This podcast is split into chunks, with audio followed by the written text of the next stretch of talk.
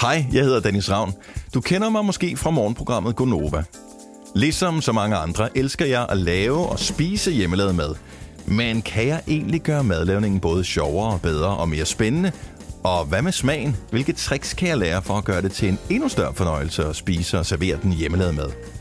Jeg har sat mig for at forsøge at forstå nogle af de gastronomiske metoder, der gør maden lækrere, mere velsmagende og også gerne mindre tidskrævende.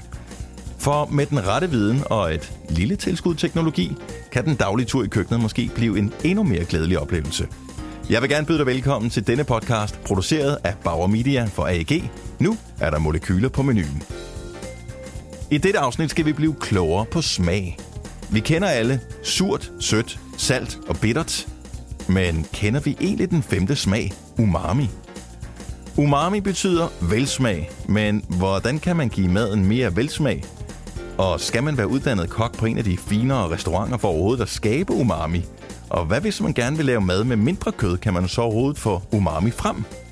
For at få svar på alle spørgsmålene har jeg allieret mig med Bo Frederiksen, der er umami-ekspert og manager i Majers Madhus, og Lars Thulund, der er fødevarekemiker ved Syddansk Universitet.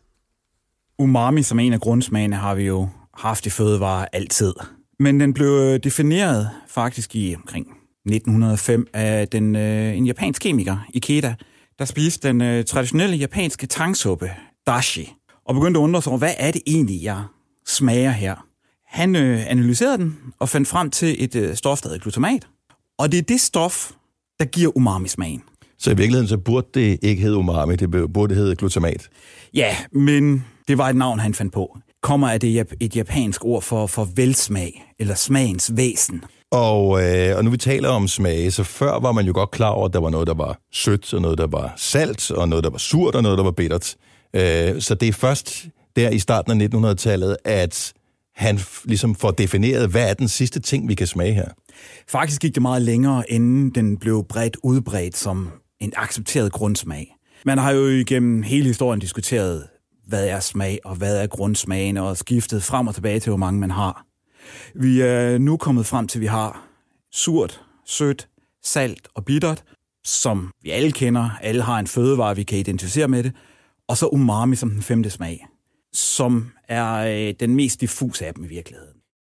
Så sidder jeg her ved spisebordet sammen med Bo Frederiksen, der er umami-ekspert og manager hos Meyers Madhus. Og det er hyggeligt, du vil tale umami med mig. Ja, selvfølgelig. Altså, jeg har jo arbejdet med at formidle mad i, øh, i mange år, og, øhm, og vi har mange af de her mantraer, som jo udspringer af Claus Meyers øh, sådan ønske om at gøre noget ved madkulturen. Øhm, og når det så handler om umami, så tror jeg ikke, det er helt forkert at sige, at, øh, at ryggraden i et hvert måltid er nok umami, når det kommer til stykket. Det leder mig hen til en helt naturligt spørgsmål. For hvad er det egentlig for noget? Det, det, det lyder jo eksotisk, og har vi overhovedet nogensinde smagt det før? Jamen, det er jo lidt et pusseløjeligt ord. Øh, et ord, som øh, mange efterhånden kan tale lidt med på, måske især i løbet af de sidste fem år, oplever jeg.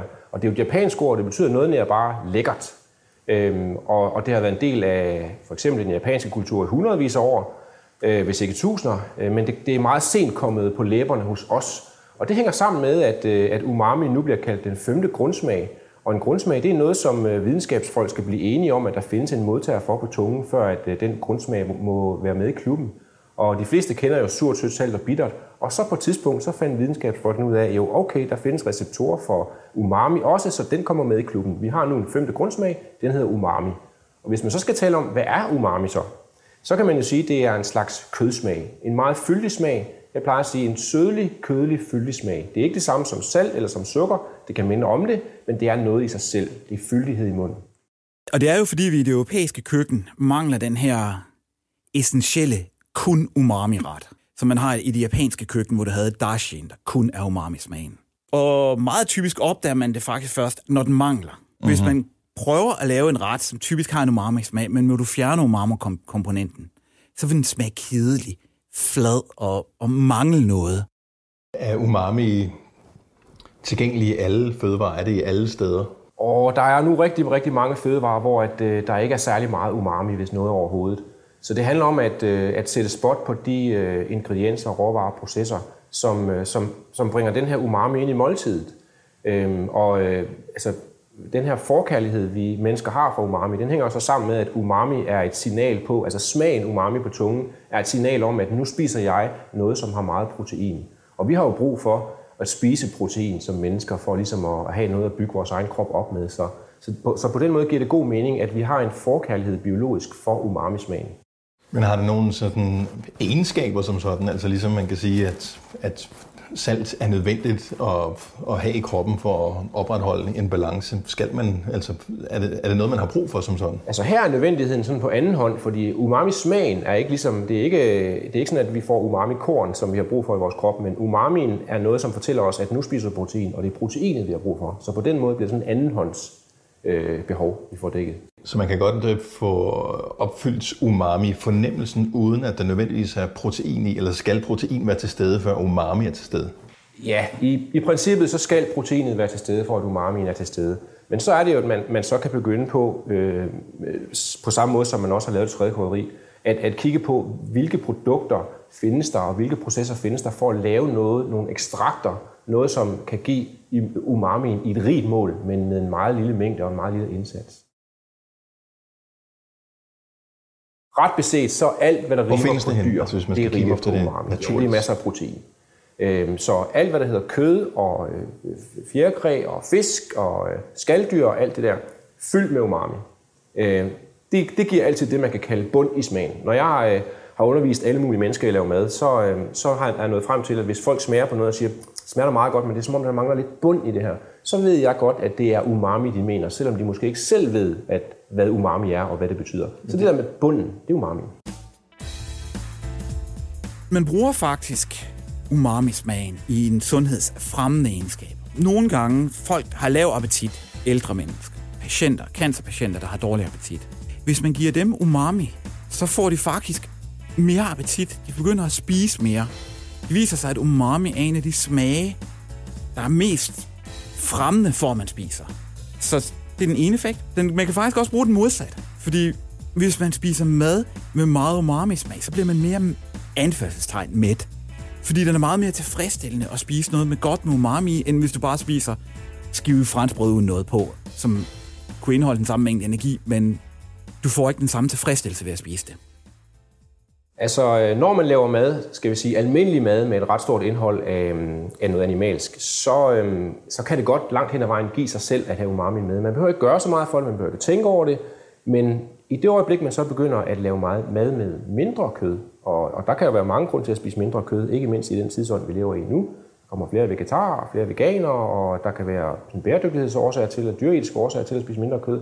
I den tidsånd, jamen der bliver man så nødt til at kigge på, okay, hvor får vi ryggraden i måltidet fra den her umami, hvis den ikke er der særlig meget i de grøntsager, vi nu laver mad af?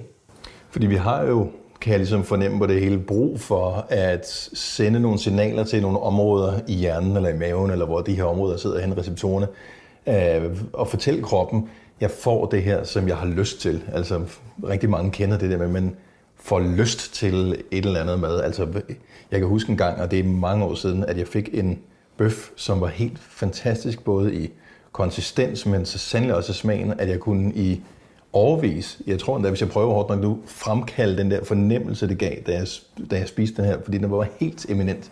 Øhm, og øh, altså, kan man fremkalde den andre steder, øhm, uden at kødet, kødet er, er til stede? Det, det kan man heldigvis godt, og, øhm, og, jeg, og jeg er helt enig med dig i, at der er noget der omkring sådan en rigtig god umami-oplevelse, som man bliver nødt til at tage udgangspunkt i at prøve at kopiere i nogle andre madoplevelser. Og, og, og det, det skal man tage med sig fra kødverdenen ind i grøntsagsverdenen, som jeg ser det.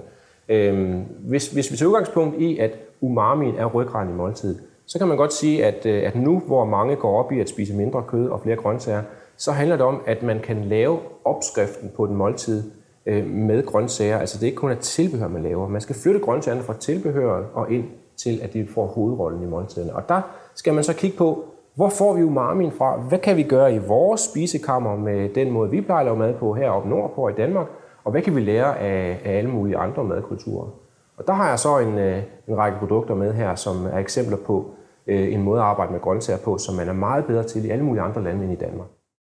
Vi har jo altid arbejdet i, i kogende kunst med, med umami-smagen. Vi har altid været ude efter den.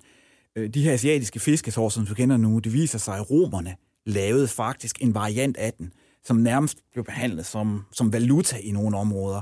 Det var enormt vigtigt at lave den rigtige, gode umami. Så hvis vi kigger på umami uden kød, så med kød, der er det relativt let.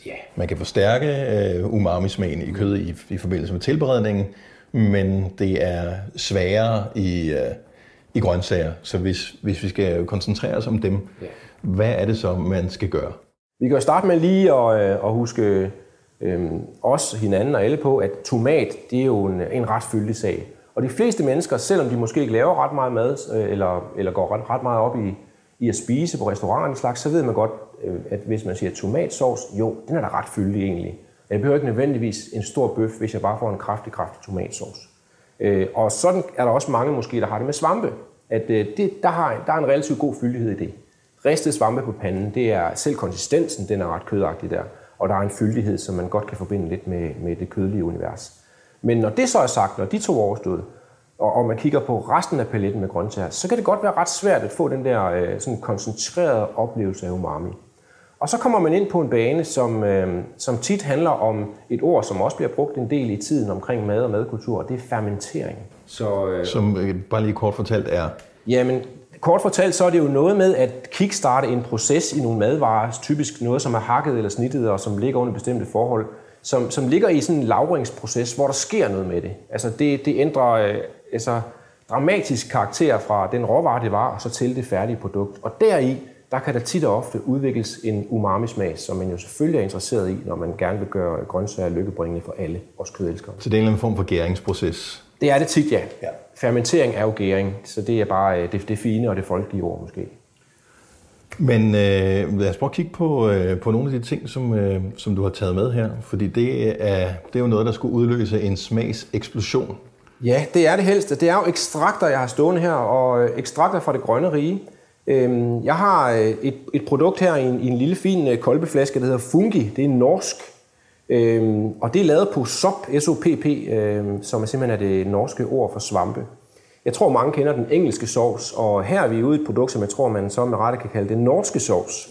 Ja. Øhm, så den er lavet på, på svampe og et rødvinsekstrakt og intet andet sådan set. Og når man smager på den, så, så tror jeg, at de fleste vil sige, jamen hov, er det ikke sojasauce, eller er det ikke engelsk sovs, eller er det ikke noget af den stil? Jamen jo, det kunne man da godt kalde det, men der er ikke, der har ikke snedet sig en lille ansjos eller andet ind i, i det her show. Det er simpelthen bare en, øhm, en smags umami, et, et, et essens, lavet udelukkende på, på svampe og druer. Nu har jeg duftet til det, og alene duften gør, at jeg kan mærke, at, min, at, at munden begynder at løbe i vand. Nemlig, det er tegn. så, så allerede der er vi er på rette spor. Hvad siger du til det? Det er lidt en sjov oplevelse i virkeligheden, fordi det smager vanvittigt meget af noget med kød. Ja. Øh, altså helt utroligt, der er ikke noget kød i. Der er ikke noget kød i. Nej. Okay. Øhm, og, og man skal huske, at med sådan nogle koncentrater her, der er det jo ikke meningen, at man skal spise det som en snack eller drikke, det, drikke et lille glas af det. Det er jo netop et krydderi på tilværelsen. Det er noget, der Så- skal bruges i køkkenet. Hvordan vil man bruge det sammen med grøntsager? Hvordan vil man få grøntsager til at tage den her smag øh, ind, så man får den her fornemmelse? Alle de steder, hvor man øh, overvejer at lave en suppe, eller en sovs, eller en dressing, eller et dip, øh, og øh, hvor man øh, måske vil tænke, at det behøver ikke at smage så forbandet meget, den her dressing eller dip, eller hvad det er, fordi jeg har jo min kotelet på siden. Alle de steder, hvor man så siger, jeg tager lige koteletten ud, så kan man overveje at putte den her ind i stedet for. Så stort set alle steder, øh, hvor man kan dryppe noget som helst i sin mad, og, øh, og har det okay med, at det giver en mørkere farve, fordi det er jo ligesom at dryppe balsamicoeddike i sin mad, jamen der vil det give et boost, som er med til at gøre op for øh, det, smag, det, det der smagstab, man ville have, når koteletten blev fjernet. Så vi, øh, vi kigger ud i en, øh, eller ind i en fremtid, hvor kød ikke nødvendigvis er noget, der er på bordet hver dag, og måske længere ind i fremtiden. Ikke engang noget, der er på bordet hver uge. Øhm, og så er der sådan nogle forskellige ting, som, som kan hjælpe med øh, ikke at erstatte, men i virkeligheden supplere de smage, som er i forvejen, så man får en tilfredsstillelse. Øhm, lad os prøve at kigge på nogle af de andre. Ja. Øh, den der, det var sådan den, den lidt ukendte norske fætter. Det var den ukendte, ukendte norske fætter. Det var en slags sojasauce uden soja, kan man vel også nok sige. Den, øh, den minder lidt om sojasauce. Øhm, så har vi øh, en anden sådan klassiker fra, øh, fra de asiatiske køkkener. En miso pasta. Alle mennesker kender sojasauce. Hvis vi tager udgangspunkt i en sojabønne, eller edamamebønner, som de hedder på en sushi-restaurant, som rigtig mange efterhånden har prøvet at spise, øh, så kan man altså noget med, med det proteinindhold, som er i sojabønner. Sojasaucen, det er den ene ting, og hvis man går ud i en anden retning og ved, hvad man laver, øh, sådan øh, fermenteringsmæssigt, så kan man få sådan en, en brun pasta ud af det. Miso-pasta. Og igen, har man spist sushi, eller har man spist på asiatiske restauranter, så kender man måske en miso-suppe, ja. som er sådan en meget mild bouillon. Og det er relativt lidt miso til relativt meget vand, og så får man sådan en mild, fyldig øh, suppe, som egentlig også smager kødagtigt. Så det vil sige, når man spiser en miso-suppe, hvilket jeg har gjort masser af gange, ja. så er der, der er ikke noget kød i? Øhm, det behøver der ikke at være, nej. nej. Øhm, som udgangspunkt, så vil der ikke være det, nej. nej. Øhm, men, men det er sjovt, det har jeg altid troet, der var, ja. Øh, de gange jeg har spist ja. så det er da en øjenåbner for mig. Ja, altså selve miso bouillon, den er jo kødfri, og så kan man så have tilsat øh, hønsekød eller noget andet, men øh, ikke nødvendigvis. Og øh, den pasta her, det er sådan set det, det handler om. Det er virkelig noget med noget goddag i, i et køkken. Og, og hvor vil man bruge det her hen?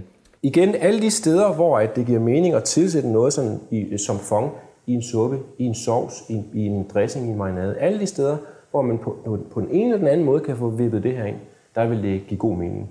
Øhm, en af mine egne yndlingsmåder at bruge øh, miso på, øhm, det er simpelthen at, at tage lige dele brunet smør og miso og lige røre sammen i en, øh, i en gryde, hvor det er lunt. Og så smøre det på hvad som helst fra grøntsagsriget. Det giver en fast, fantastisk bund, som jeg har været inde på tidligere i maden. Men det her miso-pasta, mm. Altså, kan man smage på det? Det kan man absolut. Igen, jeg vil sige en lille bitte smule, for det er jo ikke Jamen, meningen, det er meget skal, kraftigt, skal ja, jeg hilse at sige. Det er jo ikke meningen, at man skal spise det her. Øh, Hvor meget det altså, lidt. Jamen, så lidt som du overhovedet nærmest kan få på skeen. Er det for lidt? Det, du kan prøve, om, øh, om det ikke kan ramme din tunge. Okay, jeg kan fortælle, at uh, her taler vi om uh, det yderste af en lille fingernegl. Wow. Der er smæk på. Det havde jeg slet ikke forventet, fordi det smager anderledes, end det dufter i virkeligheden. Ja.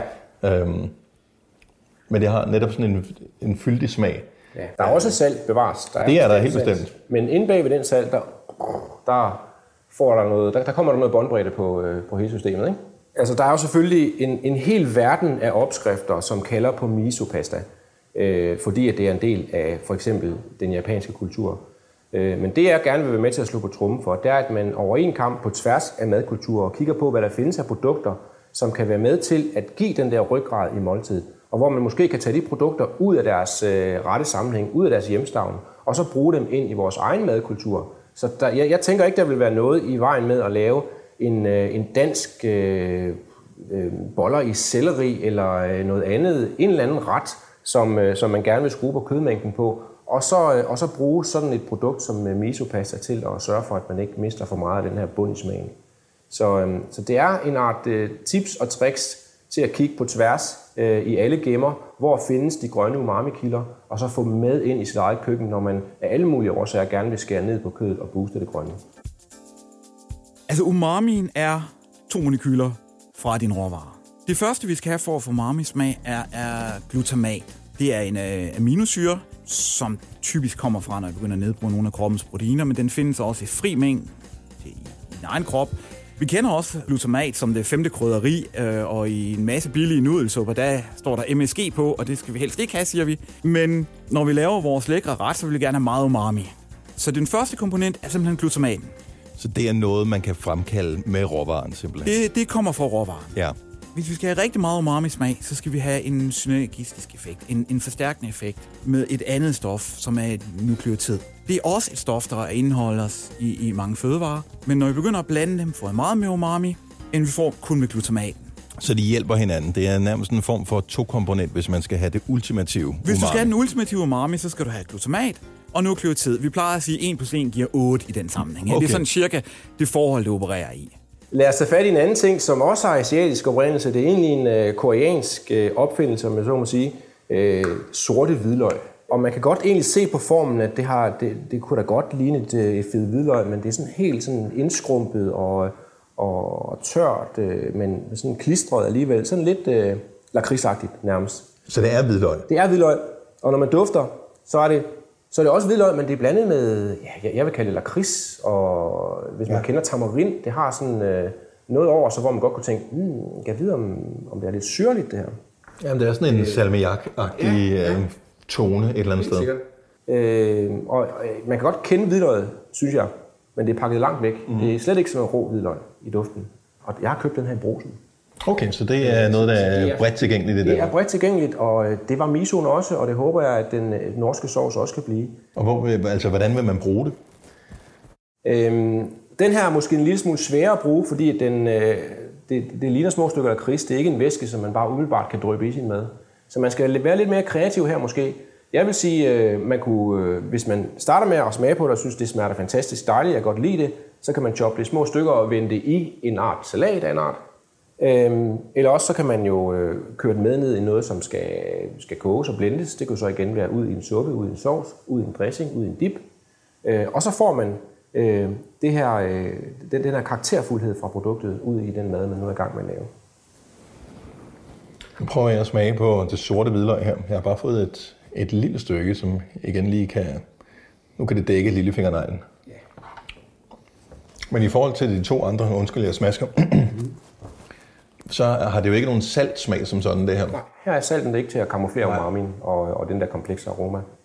Men det er som om, at det er mere, øh, som jeg forstår umami, det er mere sådan måske ægte umami, øh, eller mere rent på en eller anden måde, fordi der ikke er, er salt til at, at forstyrre, så det, det tager sådan noget tid. Der er som om, der er sådan en forsinkelse på, mm-hmm. hvordan, så først smager man på det, så smager egentlig det syrlige, øh, det smager ikke sådan lakridsagtigt, øh, som det dufter, mm. men det bliver sådan lidt en lille smule syrligt, mm. og så breder smagen sig på en eller anden måde. Ja, nu nævnte du tidligere, at, øh, at der ligesom er to komponenter, som er med til at skabe øh, umami. Kan man få, få mad til at ændre smag, alt afhængig af, hvad det bliver parret med? Det er jo en kendt sag, at de her grundsmag påvirker hinanden.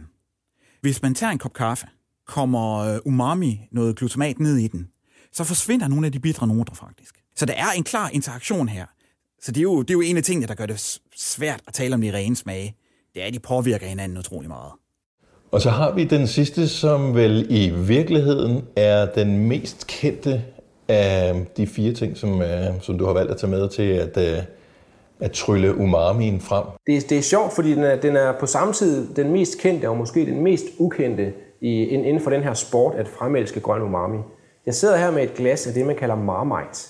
Øh, og nogle steder hedder det også Vegemite, afhængig af hvilket firma, der har lavet det. Så det er firmaet, der afgør det, det er ikke ja. fordi, det er to forskellige produkter? Nej. Det er, det er, som jeg forstår det, det samme produkt. Mm-hmm. Og det er et gærekstrakt. Og det er egentlig det, øh, de gærslakker, som øh, er tilbage i en brygningsproces på et bryggeri, hvor man laver øl, som man så opkoncentrerer til, øh, til noget, som er en, en meget kraftig, tyk, flydende sort sirup, helt blank. Og hvis man dufter til den, så er man ikke i tvivl om, at man er på samme bane som med de øvrige produkter, vi lige har smagt. Det er meget hæftige sager. Men Vegemite, som øh, mange af os i hvert fald kender fra øh, Down Under, med Men at Work, øh, ja. hvor de synger om en Vegemite sandwich, det er jo en ting, som man spiser på brød i Australien. Nemlig. Og, og det er der, der er det helt skørt for, øh, lad os jeg bare sige, os almindelige danskere. Der bliver det meget skørt. Ja, fordi jeg har smagt det, og det var... Øh, jeg tror, jeg skulle smage... Altså, jeg smagte det en enkelt gang. Ja. Og jeg tror, selvom jeg havde smagt det 10 gange, ville jeg stadigvæk ikke kunne lide det. Nej, nej. Og ja, det, jeg vil kalde det uspiselig marmelade på toast. Men jeg, men jeg vil gerne ligesom omprogrammere øh, computeren, øh, madcomputeren, og så sige, inden jeg giver det til folk, det her er ikke marmelade, det er brun sovs. Og hvis man tænker brun sovs, og så smager på det her igen, så tror jeg, man vil få en anden oplevelse. Og igen, det er ikke meningen, at man skal snakke det her. Så jeg, jeg kan heller ikke hoppe på den der med at spise et tykt lag på, øh, på et stykke toastbrød. Men jeg kan forholde mig til det som et fondprodukt. Så der, hvor man ville have brugt øh, et, øh, en, en væske, eller en pasta, eller en terning fra øh, Knorr eller Oscar eller nogen andre, der kommer den her i spil for mig i et køkken. Som, igen som et værktøj til velsmag og til en øget umami-oplevelse. Nu er jeg en lille smule nervøs, fordi de andre ting var øh, forbavsende øh, tilforladelige trods alt at smage på. Men øh, nu er vi ude i Marmite øh, gærekstrakt. Øh, og det er igen bare en lille bitte smule lige i overfladen, der er skrabet her. Så det er nærmest bare en, og, en halv dråbe. Smag, der smagte du den som marmelade. Der tænkte du marmelade, ikke? Ja. Fordi der var nogen, der havde smurt den på toast for dig. Ja. Nu skal du smage den som Og jeg skal ærligt sige, at jeg spiste ikke det der stykke toast op. Nej, jeg smagte det bare. Nu skal du tænke brun sovs.